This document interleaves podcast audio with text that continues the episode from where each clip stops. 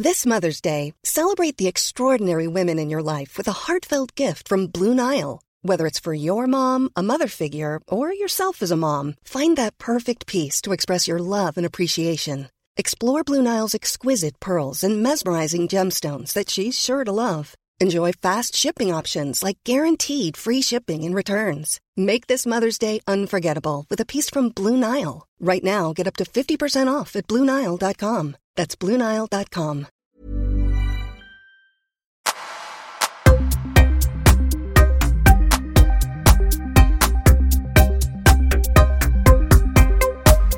Stefan, coach Albu.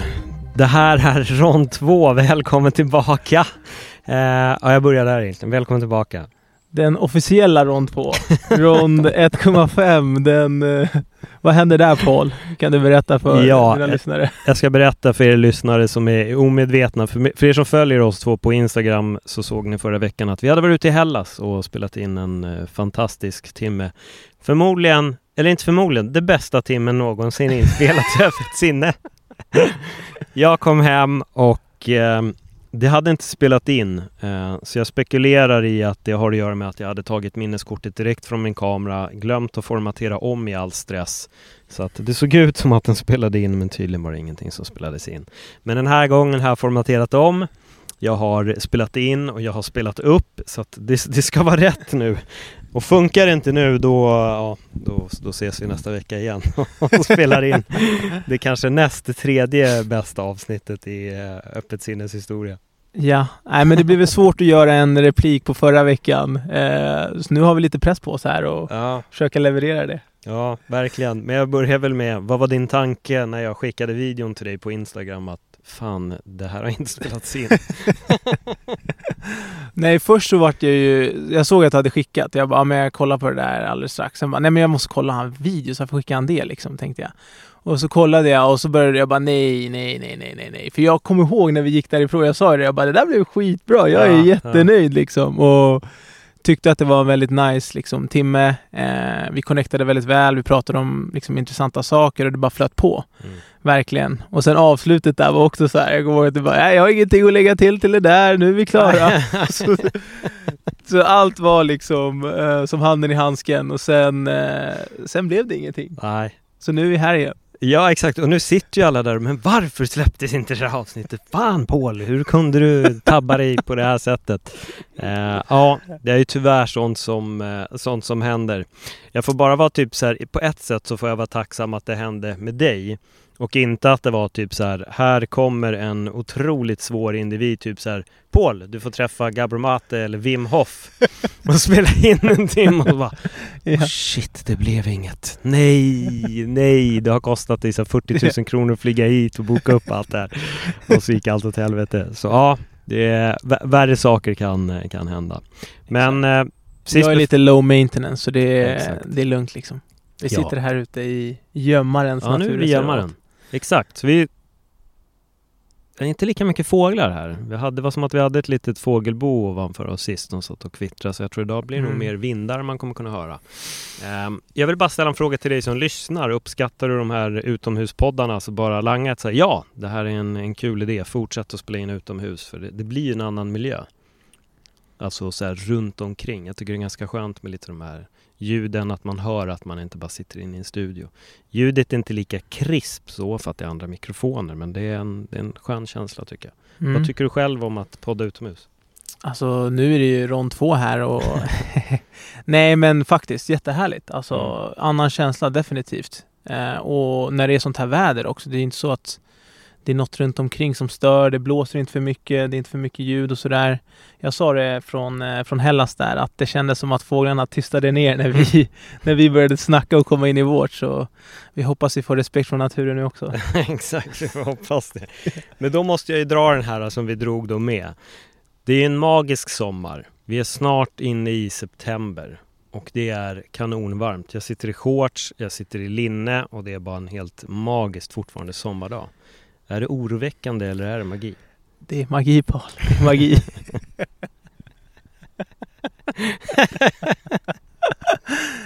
Nej men jag, eh, jag tycker faktiskt att det är det. Jag, eh, nu pratade vi förra gången om det var Ja. klimatkris eller inte. Eh, och jag väljer att tro att det är magi. Det är skitskönt, det är nice. Det har varit så hela sommaren i princip. Vi har haft några regndagar här och där men inget liksom större spann där det har sträckt sig över någon vecka eller så. Det har varit väldigt, eh, väldigt härligt Mm. att njuta av en sommar i Sverige faktiskt. Och jag tror de flesta säger samma sak. Mm. Även fast tendensen i oss är att eh, blir det för varmt så måste vi klaga över det också. Regnar det för mycket så är det ett problem det också. Så det finns alltid någonting inom oss som vill eh, ha det lite bättre, ha det lite mer bekvämt. Men eh, nej, jättebra faktiskt för min del. Inga klagomål här. Nej. Apropå att ha det bekvämt, det var någonting som jag pratade om lite i senaste Öppet sinne som ni fick höra istället för att höra förra veckans inspelning från Hellas. Men jag kom in på just det här med bekvämlighet. Och jag har läst, eh, håller på att läsa Epiktetus och han säger en grej där när det handlar just om alltså processen, alltså den personliga utvecklingen, så säger han det att man ska älska i princip att möta de jobbiga stunderna. Eh, Och jag tänker på det lite när du tar upp det här att det blir oftast jobbigt ibland. Det blir för varmt eller det regnar eller det här så hittar vi det. Det blir jobbigt och då vill vi inte vara i det. Eller träningen, det, det blir jobbigt nu. Gör jag någonting fel? Borde jag sluta? Hur eh, jobbar du kring det där? För jag tycker att han verkligen spikade det på ett sätt där. För som sagt, jag spelade in ett helt avsnitt om att man måste våga vara obekväm. Hur ser Mm. du på det? Alltså jag, jag tror någonstans, jag har landat mer och mer i att eh, det är liksom en del av livet. Utmaningar, obekvämlighet, problem. Det är ingenting som, alltså, det är ingenting som behöver fixas eller behöver förändras. Jag tror det är något som behöver accepteras i sig. Liksom. Um, och, och ha en förståelse över att det är lite som, liksom, ja, men som väder. Alltså det kommer, det går. Det blir liksom en sån situation av det. Så exakt som du är inne på där, alltså att man måste kunna älska det, man måste kunna vara i det utan att känna att man behöver fly. Mm. Um, eller att något behöver förändras direkt liksom för, för att det är lite ja, men jobbigt och så vidare. Och det är lite där jag tror att, eh, ja, men som jag känner när det kommer till personlig utveckling och sånt, att mycket av de här självhjälpsgrejerna kan vara liksom att man inte ska ha det där elementet. Att nej, nej, nej, nej, du ska inte känna dig dålig, du ska inte ha de här problemen och så vidare. Och jag tror att kulturen blir allt svagare och svagare på grund utav det. Att så fort det dyker upp lite ångest, så fort man känner sig lite deprimerad, alltså det här kan ju vara tillstånd, det behöver inte vara kroniska saker som håller sig över en längre tid. Absolut att det kan vara väldigt jobbigt. Men eh, hamnar man i så här små dippar och sånt, det är ju liksom alltså väldigt naturligt tror jag. Absolut. Mm. Ja, för jag, han hade ett annat citat, det var liksom hela grejen handlade om the progress heter det, eller on progress och så säger han också när han frågar, ja men typ folk, vad ska man säga? Du är inne på lite det här med böcker och allting. Jag tog även upp det här i podden också idag, men då säger han att eh, om man skulle fråga en, en gymnast så här, ja hur har utvecklingen på dina axlar gått? Och så visar han upp vikterna. Och då säger han, jag vill inte se vilka vikter du använder, jag vill se utvecklingen på dina axlar. Och jag tycker den är så klockren för den går att applicera Mm. på så mycket och speciellt när det kommer lite till det här med självhjälp och ja, men den personliga utvecklingen. Att det är väldigt lätt att läsa 40 böcker men så här, vad har egentligen hänt? Mm. Att visa upp en stapel böcker, det är en sak och det är bra att se att folk läser och sådär. Men det kan också bli att man bara läser bok på bok på bok på bok istället för att se vad har egentligen hänt i ditt liv och din vardag? Hur har du Mm. förändrats? Mm. Det, det håller jag helt med om och det är en del utav min process. Alltså garanterat att det har varit mycket konsumtion eh, som kanske inte har lett till eh, ja, men att det har applicerats och blivit personifierat därifrån. Utan mer bara att man hamnar i en cykel av konsumtion och sen eh, kan man nästan bli, bli mer förvirrad på grund utav det istället för att eh, ja, men faktiskt äga och försöka jobba på sig själv också. Mm. Aktivt liksom i sin vardag. Vad har man gjort för förändringar och så vidare och så vidare. Så mm, känner igen mig mycket i det och tror att eh, det där är desto viktigare idag när det finns så mycket att konsumera överlag. Det är inte bara böcker. Det tycker jag är en väldigt bra källa skulle jag säga. Mm. Det sker väldigt harmoniskt hur man, hur man konsumerar. Liksom. Det är ganska du får inte informationen så snabbt. Du måste verkligen bearbeta den, jobba igenom den sida för sida. Det är inte liksom ett 20 sekunders klipp så här, där du kollar hälften och sen scrollar du till nästa och kollar sju sekunder där och sen är det nästa och så vidare och så vidare. Då blir det ju ja, men ett tumult och jag tror inte vårt sinne är gjort för att kunna ta in så mycket på så kort tid. Eh, därav kanske vi har en större, ett, en större problematik kring psykisk ohälsa och sådana grejer. Eh, utan att vi riktigt är medvetna om att, alltså hur vi själva agerar utifrån det. För vi sätts ju bara in i det här uh, spacet, konsumerar saker, allt blir väldigt naturligt hur det kommer. Och sen vaknar man upp en dag så tror jag att man bara inte fattar att man har hamnat där liksom. Och vet inte vad, vad problematiken är. Vi pratade om det lite när vi var på väg hit att så här, ja men du gillar att gå i naturen utan musik, utan podd, utan någonting. Liksom när du bara får vara med dina tankar. Hur är vi då? Kan vi vara med oss själva på riktigt eller känner vi att vi alltid måste distra distrahera oss med någonting? Um, jag tror jag känner igen mig i att när jag är i en sån process som du pratar om där, att man går i naturen, man är helt med sig själv. Att abstinensen kickar in, att du behöver göra någonting eller till och med att du behöver tänka på någonting. Du behöver göra någonting specifikt för att ta dig ur det. Det är lite samma där med den här obekvämligheten. Man känner att den kommer in och att man måste göra någonting för att förändra det istället för att bara vara i det. Mm. Alltså det spacet tror jag är eh, väldigt viktigt att kunna anamma också och sen lära sig att vara bekväm i det på ett sätt. Jag tycker det var en bra grej du sa där med de här 20 sekunders klippen. För det, det stämmer på något sätt. Vår uppmärksamhetsförmåga har blivit så, så kort. Att vi vill bara ha de här Titta på någonting väldigt, väldigt kort, gå vidare till nästa, gå vidare till nästa, gå vidare till nästa. Och jag tror egentligen att det är så här, det är det värsta som vi kan göra. Jag känner bara det ibland när man fastnar i det här. Okej, okay, ska jag kolla på en film eller ska jag bara småskrolla lite på Youtube först? Och så har man fastnat i så två timmar och egentligen inte kollat på någonting speciellt. Mm. För att man börjar titta på något och så inser man att man vill se något annat. Och sen problemet när man väl börjar titta på en film eller något som kräver en inkörsport på x antal minuter för att komma in i kanske 20 eller en halvtimme. Så man så här, två minuter in va. Ja. Nej, nej, jag pallar inte. Och så ger man upp. Och så missar man väldigt bra grejer på vägen för att man bara så här ger upp. Man får inte den där som det är gjort med YouTube-konstruktionerna så här, fånga dem direkt.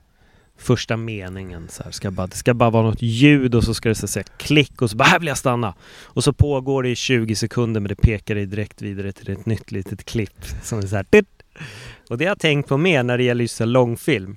Det är lättare att se fyra avsnitt på en serie än att se en långfilm som är två timmar och 20 minuter. Längden är densamma i princip liksom. Men eh, långfilmen känns mycket längre. Men jag vet inte om det är för att den är strukturerad som en långfilm. Att så här, här har vi det, start, början, mitten, slut, bam! Och så bara, oh, shit vad ska hända nu? Och så vill man klicka sig vidare liksom. Men en långfilm funkar inte riktigt så. Nej, och där, det, jag tycker du tar upp eh, en grej som är så här, det där är ju eh, ett sätt att träna på personlig utveckling för mm. mig. Alltså att säga, ja ah, okej, okay, jag kan sitta igenom en två timmar, 20 minuters lång film utan att vilja distrahera mig från någonting annat, utan att ta upp telefonen eller utan att liksom behöva byta. Att man känner igen och är eh, liksom medveten om när de tankarna dyker upp. Att säga, nej, nu måste jag göra något annat, nu måste jag byta liksom underhållning eller så. Att det kanske är det vi inte behöver göra så mycket eh, varje gång. Men eh, jag tror att det är svårt också. Det är svårt att veta vad som är nature och nurture. Alltså jag tror inte det är så um, jag vet inte i vilken utsträckning det här är jätteproblematiskt för alla, så länge man är medveten. Jag tror att det är liksom så landskapet ser ut idag. Mm. Och som, ja, men som sociala medier i sig, det är ett verktyg liksom hur man själv som individ lyckas använda det till sin egen eh, på sitt egna sätt, på sitt egna bästa sätt så det funkar för en själv tror jag är det som är befrielsen. Mm. Det är så kul när jag pratade med Smile när han var med i podden. Jag vet inte om vi pratade om det i podden eller utanför podden. Men då sa han det, han bara, för vi kom in mycket på sociala medier han och jag. Han är ju duktig på att jobba med det. Mm. Och då sa han det, han bara, jag ser verkligen fram emot den dagen när jag kan låta någon ta hand om mina sociala medier så att jag slipper det där själv. Och jag tyckte det var så, här, så klockrent att veta att så här, de behövs, de är jättebra att jobba med för att bygga sitt varumärke. Men det ska bli så skönt när det är en dag då jag själv inte behöver fixa någonting utan man bara säger lägg upp de här, fixa det, gör de här, likea de här bilderna och så här, lämna över det. Så det är väl kanske drömscenariot att anställa en person som bara sköter en sociala medier och sköter den biten och så är det så här Hej, tack så mycket för att du skrev de här positiva orden Mvh Paul och så är det någon annan. Nej, så skulle jag aldrig vilja ha det, att någon annan besvarade mina, mina DMs. Men däremot skötte så här en plan för hur grejer lades upp. För att den, det är så lätt att fastna och det är det Mm. jag tycker är lite obehagligt. Det är väldigt lätt att fastna. Det är som, jag vet inte hur många gånger Ja. så här, jag ska kolla vädret och så fastnar jag med telefonen och håller på med den i fem minuter och sen när jag lägger bort den jag bara Men vad fan det var ju vädret jag skulle kolla! Så att jag hinner inte mer låsa upp mobilen och bara ren Ja. reflex så är det så här Instagram, mailen, Facebook Ja. Det är så sjukt tycker Det jag är sjukt, det är sjukt. Och jag, alltså jag känner igen mig i exakt det där. Mm. Alltså det händer varje dag. Alltså att jag säger ja jag skulle kolla det där och så bara nej nu är jag någon annanstans och sen har det gått fem minuter och vad var det jag skulle göra igen? Ja. Liksom. Så tar det lite tid när ni kommer tillbaka. Att man så här, lämnar ifrån sig telefonen, går bort lite och sen bara oj, just det, vädret var det. Hur är det imorgon när vi, när vi ska podda? Kommer det regna eller inte? Nej men det blir en sån grej och Ja men som, alltså exakt. Jag tror att man måste också vara, alltså inte ta sig själv, alltså när vi pratar om det här med personlig utveckling och det, att så här, inte ta sig själv så seriöst i det. Att förstå att alltså, vi gör, alltså, vi gör också misstag i de här grejerna. Det är inte så att vi sitter här och bara ger svaren på hur man ska använda sociala medierna utan vi sitter med exakt samma problem, exakt samma saker. Om, eh, med allt egentligen i livet. Ehm, och det tror jag är väldigt viktigt att vara ödmjuk för det liksom. Att eh, det är en process, det är inte någon destination man hamnar i där att så här, nej nu, nu kan jag det här med sociala medier, nu har jag mina personer som fixar allting, det är lugnt liksom, jag sköter inget alls. Utan, eh, och, det, och jag tror det sträcker sig till, eh, till allt annat också liksom. Ehm, det är en process man är i hela tiden. Ja, men den är, den är det. Jag tänker bara undra hur det var för stoikerna om de är så här jag ska bara kolla vilka röksignaler som är där ute och sen har de fastnat på massa andra röksignaler och suttit och läst om helt fel grejer. Men eh, du, du läser mycket stoikerna och sådär eller? Du har, ja, ja. de har alltid funnits där men Alltså jag har ju alltid lockats till dem och tyckt det har varit intressant men det är nog nu som jag verkligen har så läst väldigt mycket av dem senaste tiden. Mm. Eh, fördjupat mig lite mer i dem.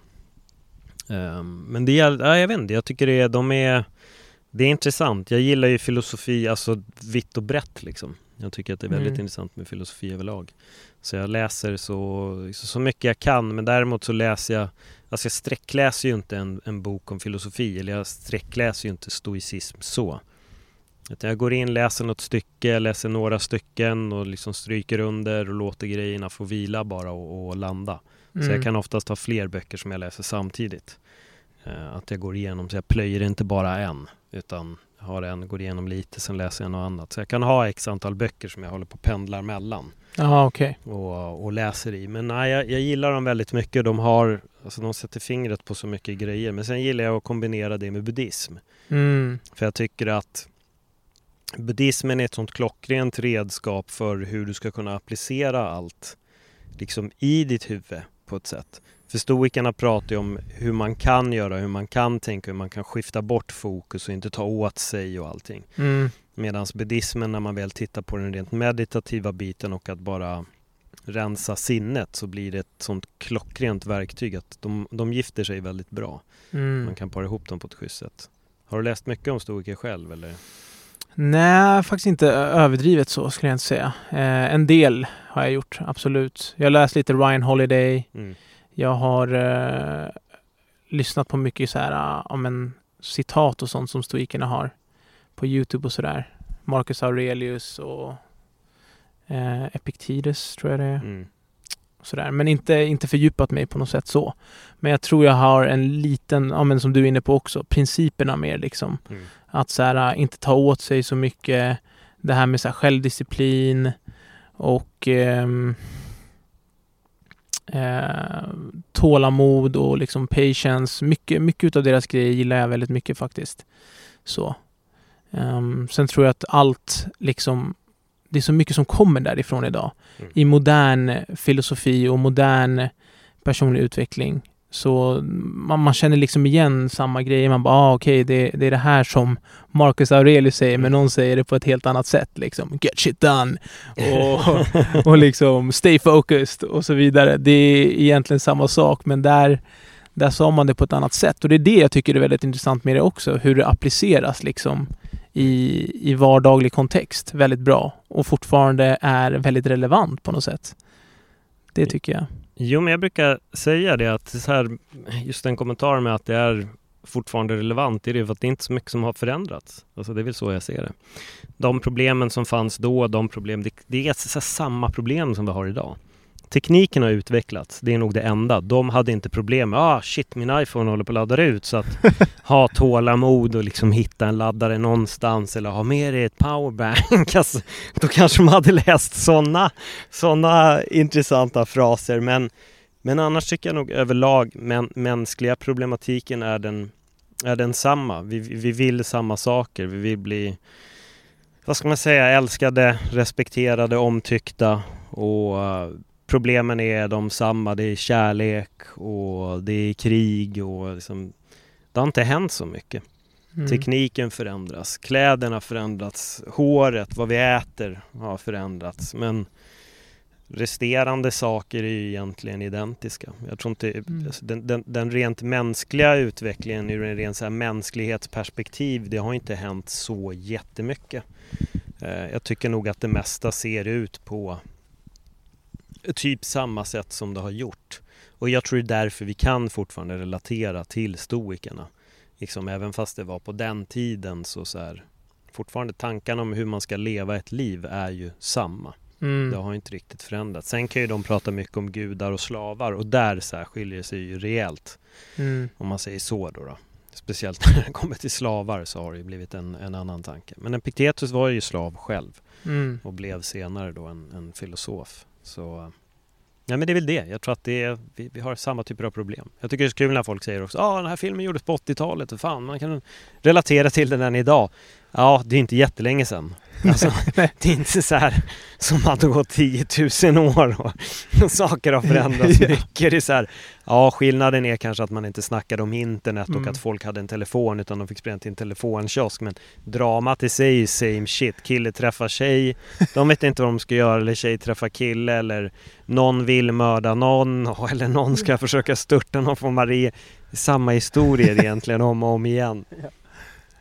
Nej, jag, jag håller med dig. Alltså det, men det där tycker jag är så intressant att tänka på också. Alltså när man sätter det i, i modern kontext. Det jag tror mycket har förändrats är liksom eh, att kultur och och, och liksom eh, normer och sånt är mycket bredare idag mm. än, än vad det varit liksom historiskt. Alltså jag menar stoikerna hade ju sitt lilla, eller säkert stora, nu är inte jag säker på hur långt deras imperium sträckte sig och sådär och vad de gjorde men, eh, men att de liksom, det var deras samhälle, det funkade så. Sen alla andras eh, samhällen, de hade ju kanske filosofi och sånt som kom ur samma rot.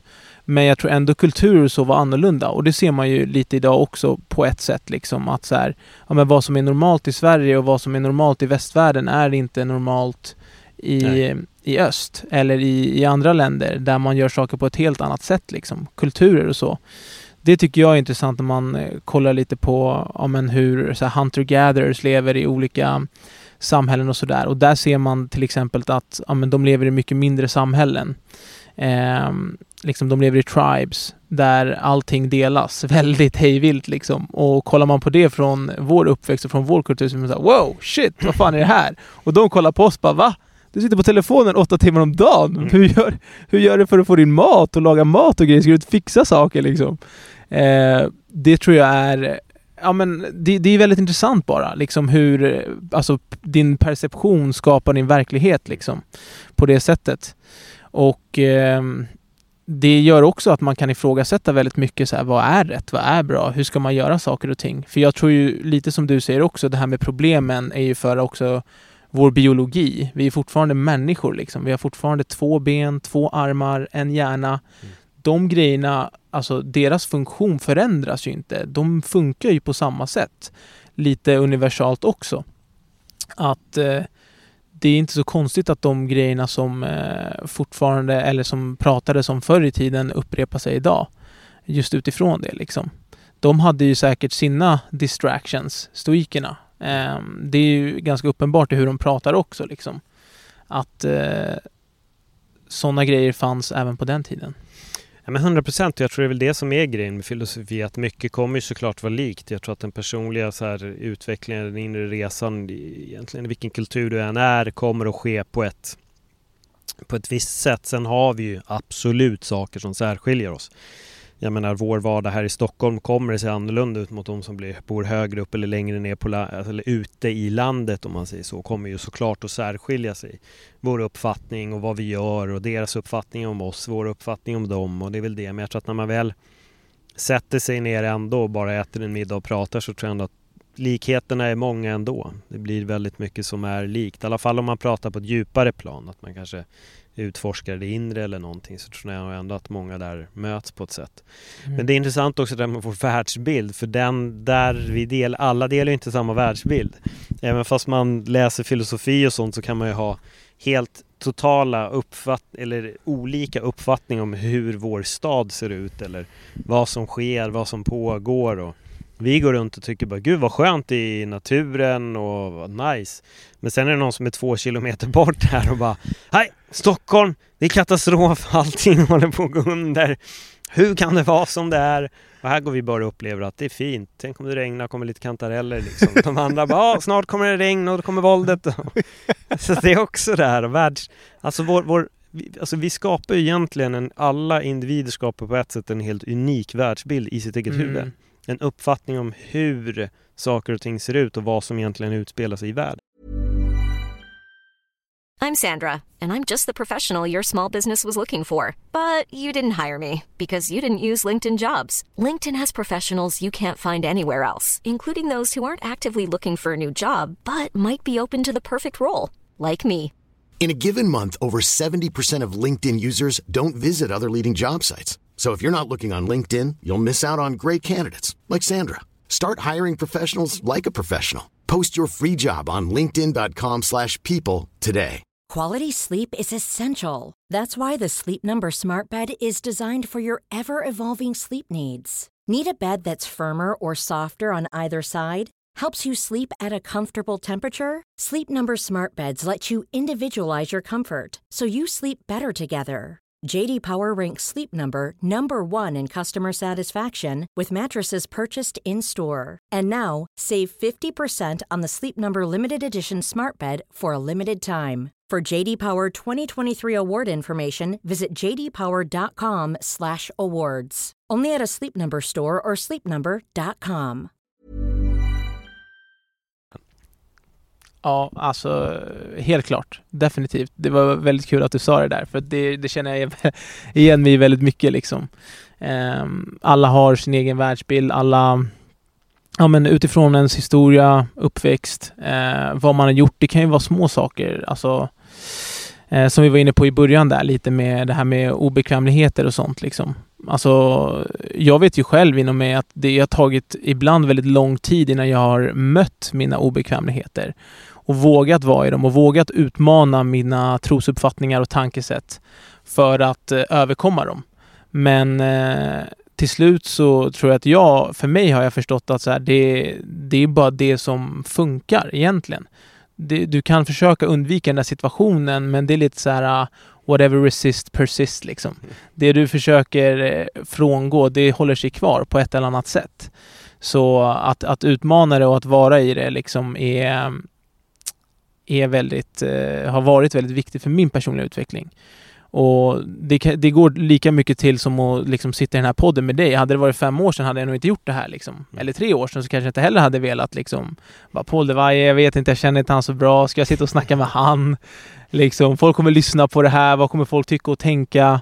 Och så vidare. Det finns ju hur många sådana grejer som helst. Mm som man har eh, jobbat inom eh, sig själv med. Och jag tror att man också tar de sakerna för givet när man har sig jobbat. Alltså jag sitter inte och reflekterar dagligen på att jag har gjort den här resan liksom. Eller att jag har gjort någon resa överhuvudtaget. Men mer att man bara är i processen av det. Sen inser man att så här, det, det, är inte riktigt eh, så att du går från botten av berget till toppen av berget utan du håller fortfarande på och hackar dig upp. Mm. Och sen när du kommer till ena piken så måste du komma till nästa och så vidare och så vidare. Fast det är, hela, eh, det är inte hela tiden aktivt inom dig ett jagande, ett sökande. Det minns jag lite från förra avsnittet att vi pratade om det här med att om du kanske har ett mål eh, som du siktar på liksom och så att du inte kommer fram till målet, men att du har kommit någonstans på vägen och så har det hänt så mycket annat också. Mm. Så hela tiden om du har någonting, som till exempel en målbild som du strävar åt, eller en vision liksom. Det är inte bara att du förändras eller liksom eh, bli någonting för att du kommer dit. Det är inte en destination att komma till. Men samtidigt på resans väg så bygger du andra skillsets, du träffar andra människor, du får nya upplevelser och uppfattningar om saker och ting på vägen också. Så bara att sätta det målet har gjort att du faktiskt kanske har plöjt av tio mål till. Eller och så vidare och så vidare. Um, så det tycker jag är väldigt uh, intressant också när det kommer till den, till den biten liksom. Jag tror också att det är viktigt när man har mål och strävar efter någonting, då också vara medveten om vad som händer i periferin. Alltså hela mitt liv har egentligen bara... Alltså typ, det är bara en massa saker som har öppnat upp sig vid sidan för mig. Speciellt när det gäller så här MMA, för jag får ju den frågan titt som Ja, men hur gör man för att bli MMA-kommentator och liksom komma dit där du dit där du hamnade. Och så, så ja, satsa på stand-up, satsa på humor, ha en polare som startar en MMA-sajt gillar sporten och så kommer han fråga om du vill jobba med honom och helt plötsligt ringer via play en dag och vill att du ska kommentera UFC. Alltså, för att jag stångade mig ju blodig åt ett håll. Mm. Men åt sidan öppnade allting upp sig. Alltså verkligen allt. Och jag, det, det, är egentligen så mitt råd jämt att så här, ha dina mål men fan, våga titta fatta vad som händer åt höger eller vänster också. Liksom, kolla vilka dörrar som öppnas och var redo att gå dit. Alltså hade jag bara haft ett enda mål då hade jag väl antingen varit en lyckad skådespelare eller en misslyckad skådespelare idag. Jag vet inte.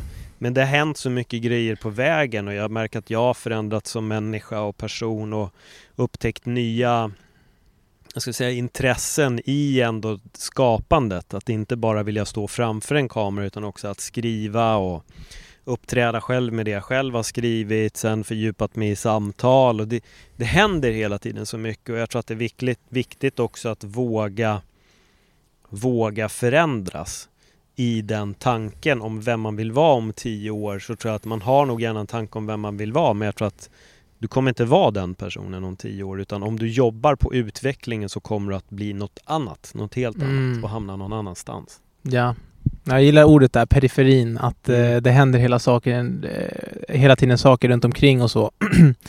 och eh, det som kommer upp inom mig är det här med, alltså det känns som att man lever lite parallella liv. Även fast jag jobbar med träning och hälsa så har jag andra intressen. Mm. Och jag sitter och djupdyker i andra saker utöver det också som jag finner intressant, som vi pratar om nu, liksom om livet, filosofi, psykologi, personlig utveckling, alla de grejerna liksom. Och det är inte helt eh, orelevant eller omöjligt att det dyker upp möjligheter, säg karriärsmässigt eller någonting annat eh, inom de kategorierna liksom. Och jag tror att många, alltså det är väl kanske lyxen med, med lite idag, att vi har den tillgängligheten på något sätt. Eh, liksom för 10 000 år sedan när man vaknade upp så tror jag att man bara såhär, hm, jag ska bli filosof eller jag ska bli, jag tror jag ska jobba på ett kontor och göra det här och det här. Utan vi, det är ju fucking lyx idag. Ja, att där är kan, det stor skillnad. där är det stor skillnad alltså. Eh, du kan ju verkligen drömma hejvilt alltså på både gott och ont då, men, eh, men att du har de möjligheterna, det är helt otroligt.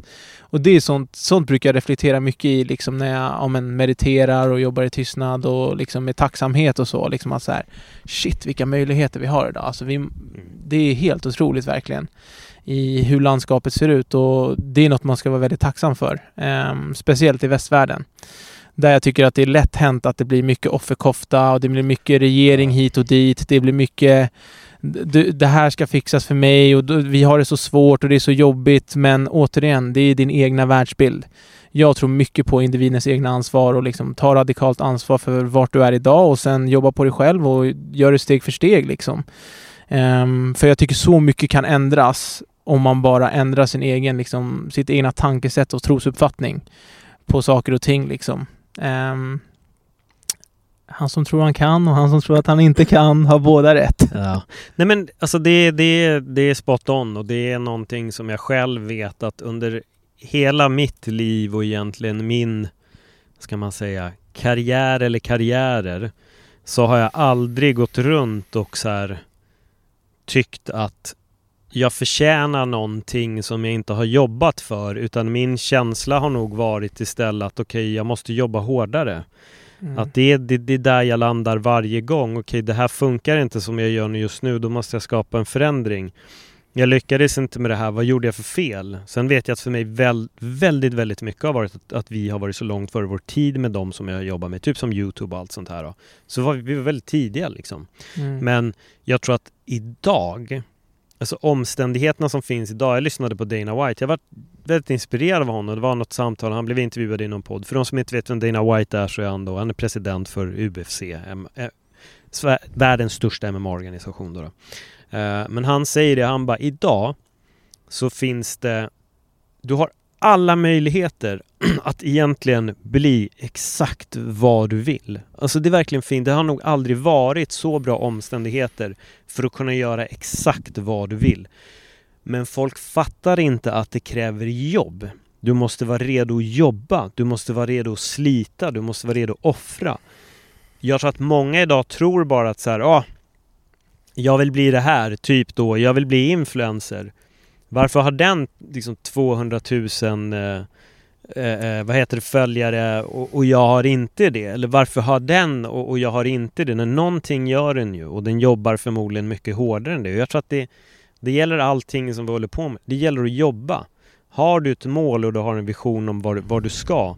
Det funkar inte att sitta och klaga. Jag skulle kunna sitta och bara i all oändlighet sitta och grina över alla. Åh, den gör ju inte det där bättre än mig och jag är mycket bättre och folk borde lyssna på mig och, och du vet, åh. Istället är det så här, okej vad gör de som jag inte gör som jag kan anamma och applicera till mitt? Vad kan jag lära mig av dem? Men att sitta och så här, jag är verkligen allergisk mot folk som sitter och verkligen bara kritiserar andra. Mm. Men själva gör inte det de behöver utan bara "Åh, jag är så jävla mycket bättre, ja du vet jag och så bara, Men gör det då då. Mm. Gör det. Om du känner att du är så jävla bra, gör det då istället och håll käften med det andra. Alltså jag, Ja. jag blir verkligen trött på, på gnällandet eller folk som säger om jag bara fick liksom hjälp av den här som bara kunde hjälpa att ta fram mig. Alltså, ja, det är jättekul när någon sträcker ut en hand och säger du, så här, vi gör det här ihop. Det är fantastiskt och Mm. det är helt, det är en otrolig känsla men att förlita sig på att det är det som ska göra att man ska lyckas. Att någon annan ska sätta in en i rampljuset. Jag vet bara det själv när jag började jobba på Viaplay så var det många som hörde av sig. Helt plötsligt var det väldigt många som ville hitta på grejer med mig för att jag satt på en position i hoppet om att själva kunna komma in. Och jag fick vara väldigt tydlig varje gång. Jag bara, det är helt fantastiska idéer men bara så att du vet, jag prioriterar mig själv först. Mm. Jag måste landa på min plats, jag måste etablera min plats, jag måste göra mitt. Inte bara Hej, här är jag, nu har jag 10 pers med mig som har 200 andra idéer. Det är så här, när du väl landar någonstans, ta chansen. Jag hörde på Mm. Harrison Ford, ja, det här är så många år sedan. Och för er som har sett Star Wars till exempel, tidigt liksom. Vem är den skådespelaren som fortfarande jobbar idag? Harrison Ford. Hur många av de andra ser man i stora filmer? Hur många av de andra hade en storslagen karriär under 80-talet? Det var Harrison Ford. Mm. Jag vet att under många år i min barndom så letade jag efter, jag vill se Mark Hamill i någonting, Luke Skywalker, var. Jag såg aldrig honom i någon film. Aldrig. Mm. Mm. Prinsess Leia kunde dyka upp någonstans. Någon kunde dyka upp någonstans med Harrison Ford, Star Wars, Indiana Jones. Alltså det är så här, listan går jävla lång på filmer den snubben har gjort. Och så lyssnade jag på en intervju som var då det, det, var nog inför någon av de här nya, kanske var det när de gjorde trilogin igen tror jag. Inte den senaste trilogin eller när Disney startade igång allt utan när de gjorde så här del 1 till 3. Mm. Då intervjuas han och så fick man höra då vad alla tyckte och tänkte. Men det som fastnade för mig det var Harrison Fords svar. När succén för Star Wars var ett faktum. Och han får typ den frågan och han, då sitter han så tittar han så på intervjuaren och börjar gnugga händerna. Han bara Time to work. Och det där är det som separerar agnarna från vetet. Han Mm. fattade att nu finns möjligheten. Mm. Nu sitter jag på en position där jag kommer kunna jobba hur mycket som helst. Så nu är det dags att jobba. Och det är verkligen det det handlar om hela tiden. Man måste arbeta. Vill man någonting så måste man arbeta. Jag blev jätteinspirerad av den kommentaren. Jag Ja. bara, han fattade det. Mm. Han fattade grejen. Det är därför jag inte har sett de andra. Nu förstår jag varför han har fått så jävla mycket jobb. Jag har undrat i alla år, varför Harrison Ford och inte de andra? Han var redo att jobba. Mm. Time to work, det var hans kommentar. Time to work. Mm. Nu, det blev en succé. Mm. Time Ja. to work. Det Så ha- simpelt också liksom. Ja. Alltså egentligen. Ja, för han var inte Harrison Ford Nej. innan. Men Mm. helt plötsligt nu är han ju Harrison Han Ford är och kan Harrison gå runt Ford. med t-shirten I've been Indiana Jones and Han Solo, what about it eller vad det nu står. Liksom. Nej men och det är verkligen det. Alltså man, man måste arbeta och jag tror verkligen att det är det som folk glömmer idag. Man, man vill ha allting serverat. Vi är, många av oss är väldigt bortskämda och det är också det som gör att vissa lyckas och andra inte. Ja, alltså uff, det där var en, eh, en riktigt bra ehm, eh, rant, ska Ja. jag säga. Men, men det finns så mycket att gå in på därifrån tycker jag. Eh, första frågan för mig blir ju, vad, vad är det du tror som ändå håller tillbaka folk eh, trots det? Alltså det du säger och det vi tror är ju ganska simpelt i sig. Mm. Men ändå så har vi så mycket problem Paul. Ändå så Ja. många som inte vill Ja, göra det. ett svar. Ja, ge oss svaret Paul. Ja, det här präglar mig rätt ofta och jag tänker på det här väldigt mycket. Jag tror till och med jag tagit upp det här i podden tidigare. Jag får ofta fråga mig själv om jag är rädd för att lyckas. Om det är egentligen det som är grejen. Är jag innerst inne rädd för att på riktigt slå igenom? Är det det som håller mig tillbaka lite? Är det rädslan att nå dit? På riktigt?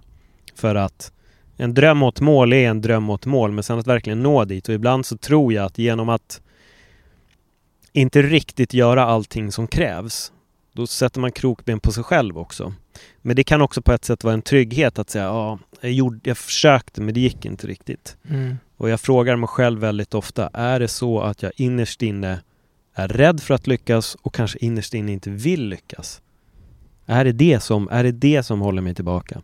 Jag tror mig, den, jag får ställa mig den frågan så ofta när jag märker att jag blir för bekväm med det jag gör. Att okej, jag släpper podd och så släpper jag podd och så gör jag bara det liksom. Men sen frågar jag mig själv, fan, är jag rädd för att lyckas?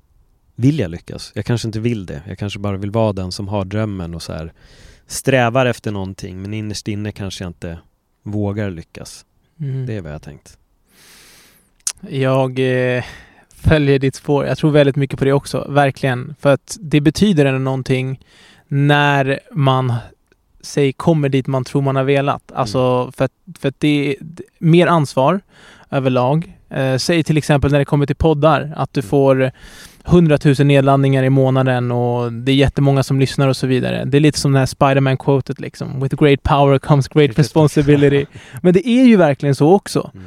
Att nu helt plötsligt står du i rampljuset. Nu gör du det och nu kommer alla vet, nu vet alla vem du är. Nu lyssnar alla på vad du säger och så vidare och så vidare. Och då kan man kanske inte bara säga vad som helst heller. Jag menar, i dagens kultur, till exempel Joe Rogan, alltså där ser man ju, han har blivit cancellad hit och dit och Mm. fått eh, värsta häxjakterna och så vidare efter sig. Ehm, men, eh, men ja, jag tror, att, jag tror att det där är en, eh, en, en svår grej och en eh, stor existentiell fråga som man får dela med i livet liksom. Och jag tror faktiskt också att det inte finns ett rätt eller fel svar på den. Utan det är bara vad du själv eh, väljer att göra med det. Så. Mm. Det behöver inte betyda att för att du når din dröm, ditt mål, att så här, du eh, blir tillfredsställd för det. Utan eh, det kanske bara kommer kräva en helt annan typ av version utav dig. Eller, eh, eller att, ja men exakt, att du måste, du måste förändra så mycket. Du måste göra så mycket annorlunda för att ta dig dit. Som du säger, att jag tror att de flesta, det är så lätt att måla upp bilder och visioner eh, och mål av vad man ska klara av. Men när det väl kommer till kritan och lägga ner jobbet, då är det en helt annan grej liksom. Jo, det är, Eh. det är jobb. Det är ju Mm. det som är, är grejen. Det var ju som, jag tror jag sa det sist vi spelade in på den podden som inte finns kvar då, då. Men när jag hade varit hos Helene i bakom fasaden så Ja men där var det väl lite så ungefär som att jag hade lyckats och att jag gjorde så mycket och producerade så mycket content och, och ja, gjorde bra. Det var bra. Och då frågade hon, vad driver dig? Jag bara, ja det är för att jag tycker inte att jag producerar mycket content och jag upplever att jag är ganska lat och att jag vill någon annanstans och jag ser inte att jag är där. Så jag anser inte att jag har uppnått någonting egentligen. Mm. Utan mitt kvitto är att komma någonstans. Att så här, om jag kan leva på det eller man, ja men all, allt sånt liksom och att det blir en större och större podd. Och jag tror att utåt sett så, jag vet ju att jag producerar mycket, jag fattar att så här, jag driver inte bara öppet sinne, jag har en annan podd också som, som släpper två till tre avsnitt i veckan. Jag sitter med två YouTube-kanaler som jag sitter och bygger upp, vilket också är så galenskap på ett sätt. Mm. Eh, och många gånger där är det så här, okej okay, vad borde jag egentligen göra? Jag kanske bara borde satsa på en enda sak och göra 100% där istället för att göra 50-50. Men, men det är en annan, en annan podd, om man säger så. Men jag, jag tror att det är det som är, vad ska man säga, grejen. Jag, jag, upplever inte att jag gör tillräckligt mycket.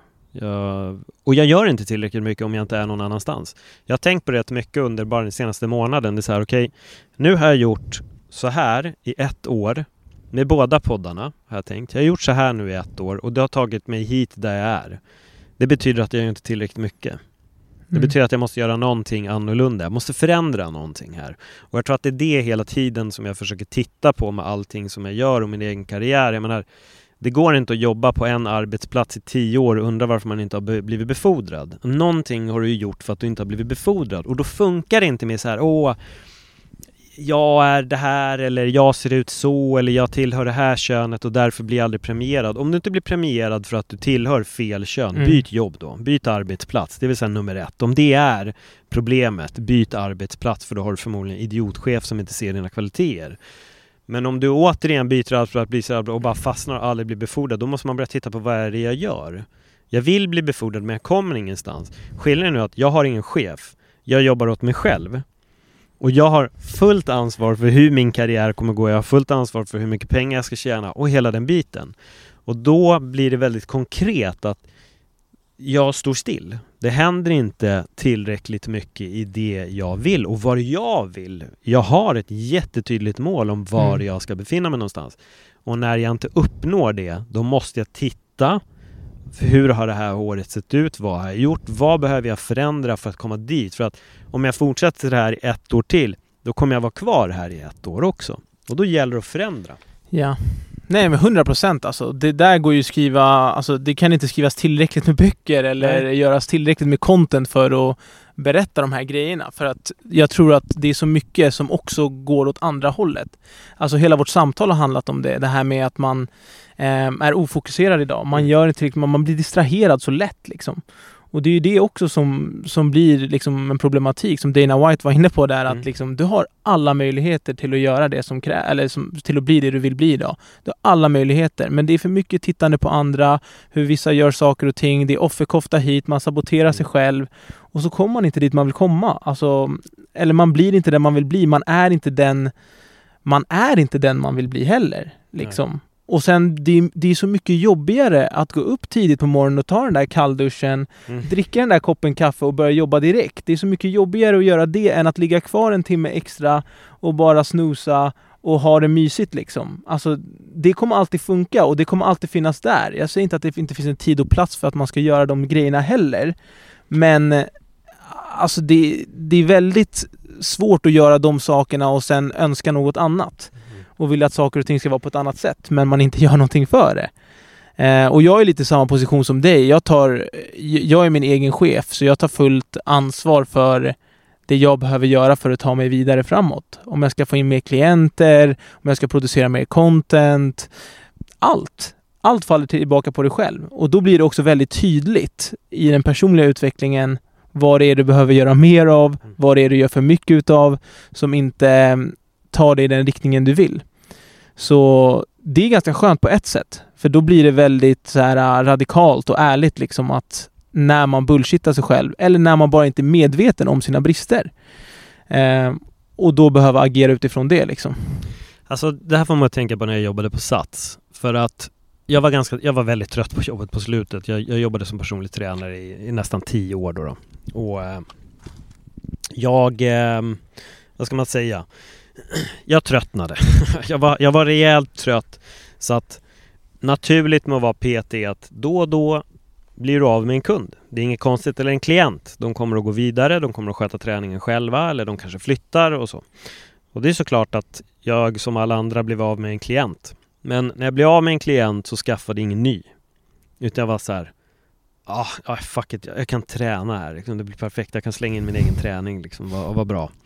Och så blev jag av med en till och så bara, ah, men okej, perfekt, då kan jag ju träna den här positiva tiden på den här dagen också. Det blir ju bara jätteskönt. Eh, men sen kom en dag då hyran ska betalas och räkningarna ska betalas för lönen har kommit in. Och det var inte så att jag inte kunde betala. Ja, jag kunde betala allting. Det var inga problem alls för mig att betala hyra och alla räkningar. Men problemet var att när det var betalt så hade jag 100 kronor kvar att leva på resten av månaden. Det var helt plötsligt problemet och det var ju konsekvensen av att jag blev bekväm. Jag tyckte att jag, ah, nice, jag kan träna. Och så jobbar man och är där tillräckligt mycket för att tro att man jobbar Mm. väldigt mycket. Så man spenderar timmar på jobbet men man arbetar inte. Och det är problemet som PT. Mm. Eh, Så hur gjorde jag då för att lösa det? Styrde jag upp fler kunder eller klienter? Nej, det gjorde jag inte. Jag sa istället upp mig och jag sökte ett annat jobb och det var så Paul Elvaje började sälja telefonabonnemang i butik. Jag var tvungen att styra upp min ekonomi och då var jag tvungen att göra någonting som var extremt obekvämt. Jag var tvungen att byta jobb, jag var tvungen att sätta mig i en position som var någonting som jag inte ville göra egentligen. Men jag behövde tjäna pengar och jag kände att jag måste göra någonting där jag konkret drar in pengar för varje timme som jag är på arbetet. Mm. Och PT-andet just nu, det funkar inte för mig. Jag, jag, jag, jag har inte det drivet i mig längre. Jag hade Mm. tröttnat. Det reddes ut, jag började tjäna pengar, allting kändes jätteskönt. Sen tröttnade jag på det också, men sen öppnade hela Viaplay upp sig och det resten efter det är historia. Men vad är kontentan av den här historien? Jo, att när problem uppstod så satt jag mig i en ännu bekvämare position genom att fixa ett annat jobb och göra någonting som jag innerst inne egentligen inte ville göra. Men jag behövde göra det. Och jag tror att det är det som är så viktigt att alltid kunna ta med sig, att det gäller ibland att sätta sig i de här sjukt obekväma positionerna. Men bara för att man måste. Och det är utvecklande på sitt sätt också. Ja, nej, verkligen. Verkligen. Ehm, det, det är lite så liksom så här, jag tänker mycket på att det finns ingen väg att gå, det är bara den man väljer att gå. Ja. Ehm, rent ut sagt liksom, alltså helt ärligt, med, med så många olika, olika saker. Man får, man får ta de besluten utifrån det man, eh, det man känner och det man behöver. Alltså det man behöver speciellt, för det tror jag är liksom många gånger, man vill så mycket liksom, men man tittar inte på hur situationen ser ut och vad som behoven faktiskt är. Och så låter man den här uh, vattenkoppen fyllas upp till max och så bara rinner vattnet ut på bordet hela tiden när man fortsätter fylla på. Och så bara oj shit, vänta nu kanske det är dags när vattnet börjar komma på golvet här. Nu kanske jag borde göra någonting. nu kanske jag borde förändra min situation. Eh, så verkligen alltså, det funkar på allt och många gånger så kommer, jag tror ju väldigt mycket på ja, men att det finns en högre makt, inte så att jag är religiös utifrån någon gud, men jag tror att liksom Alltså universum sänder mig signaler när det är dags att byta riktning. Mm. När saker och ting händer. Jag känner inom mig, jag har en röst, jag har någonting som guidar mig till att göra någonting annat för att det är saker och ting som inte funkar optimalt heller. Kalla det intuition, kalla det ja, den här högre makten eller vad man ska säga. Men jag tror väldigt mycket på det och eh, jag tror att det är svårt att lyssna på det också. För att vi har ett ego, vi har en eh, förutfattad mening, vi har trosuppfattningar och saker som håller oss tillbaka eller som, eh, som egentligen existerar för att skapa den här eh, dynamiken mellan att följa sitt inre eller eh, sin historia och, eh, och saker som kanske man är rädd för. Man kanske vill hålla sig mer bekväm i det man är och det man alltid har varit. Eh, för att det är så många som känner igen en på det planet. Det är så mycket som, eh, som man har gjort i den, eh, i den eh, bemärkelsen. Och egentligen symboliskt så är ju det egentligen en död. Liksom. Det är så här, ah, nu slutar du som PT efter tio år. Du har byggt upp en hel identitet, en hel struktur, ett helt liv kring den livsstilen. Och så bara, nej, jag ska sluta. Jag ska gå och sälja telefonabonnemang.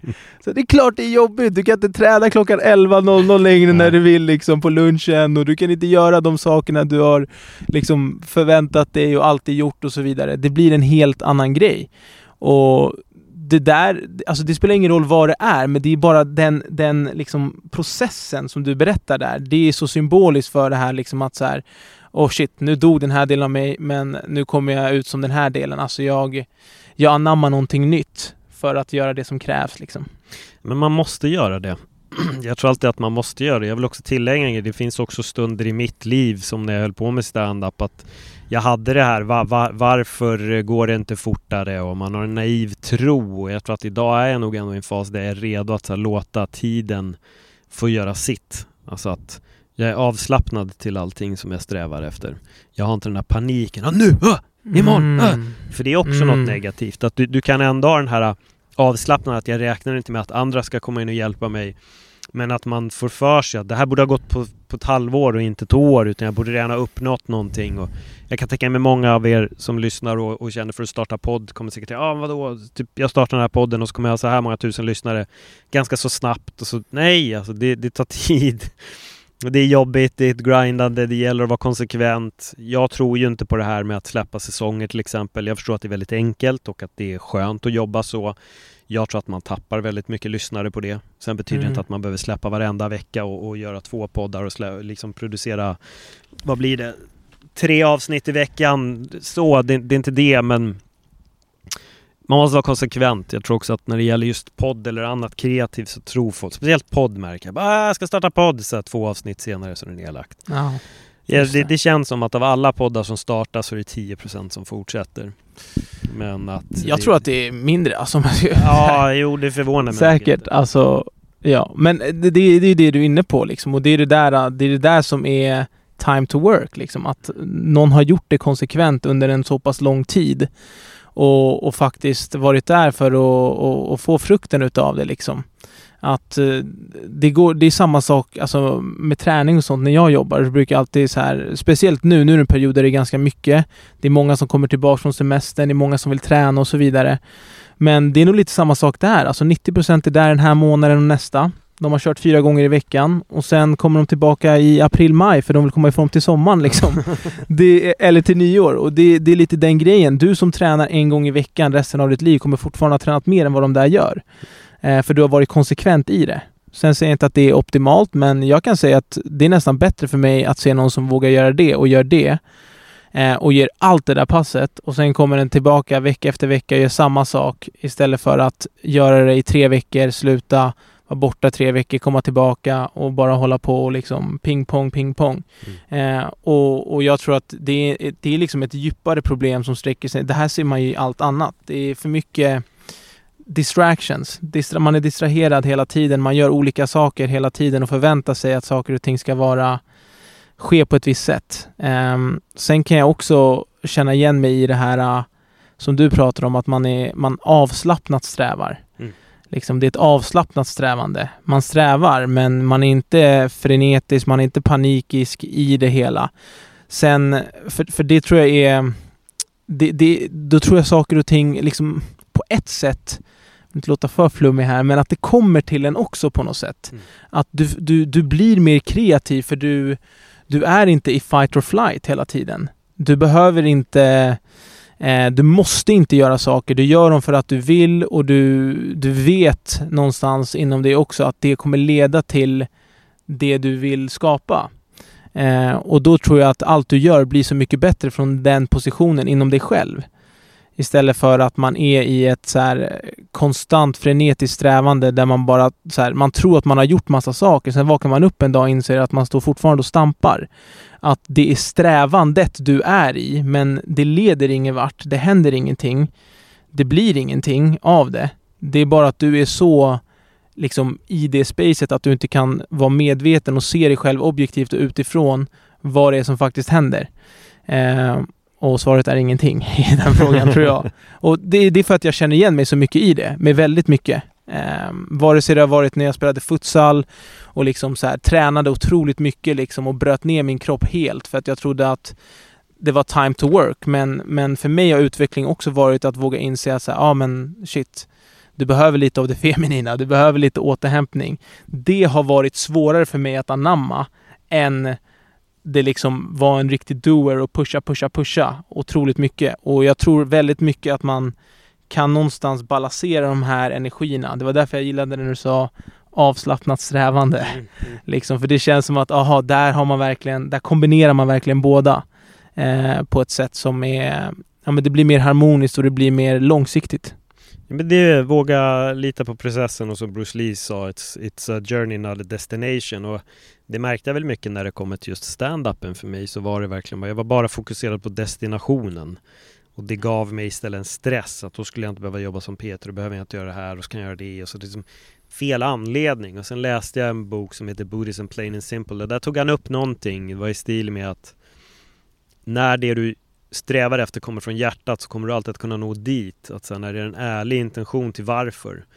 Och det landade så hårt hos mig för jag märkte att min mitt varför var självklart så tyckte jag att stand-up var skitkul. Självklart ville jag leva som komiker och kunna göra allt det där och kunna spela in film och alla de grejerna. Det, den intentionen var ärlig.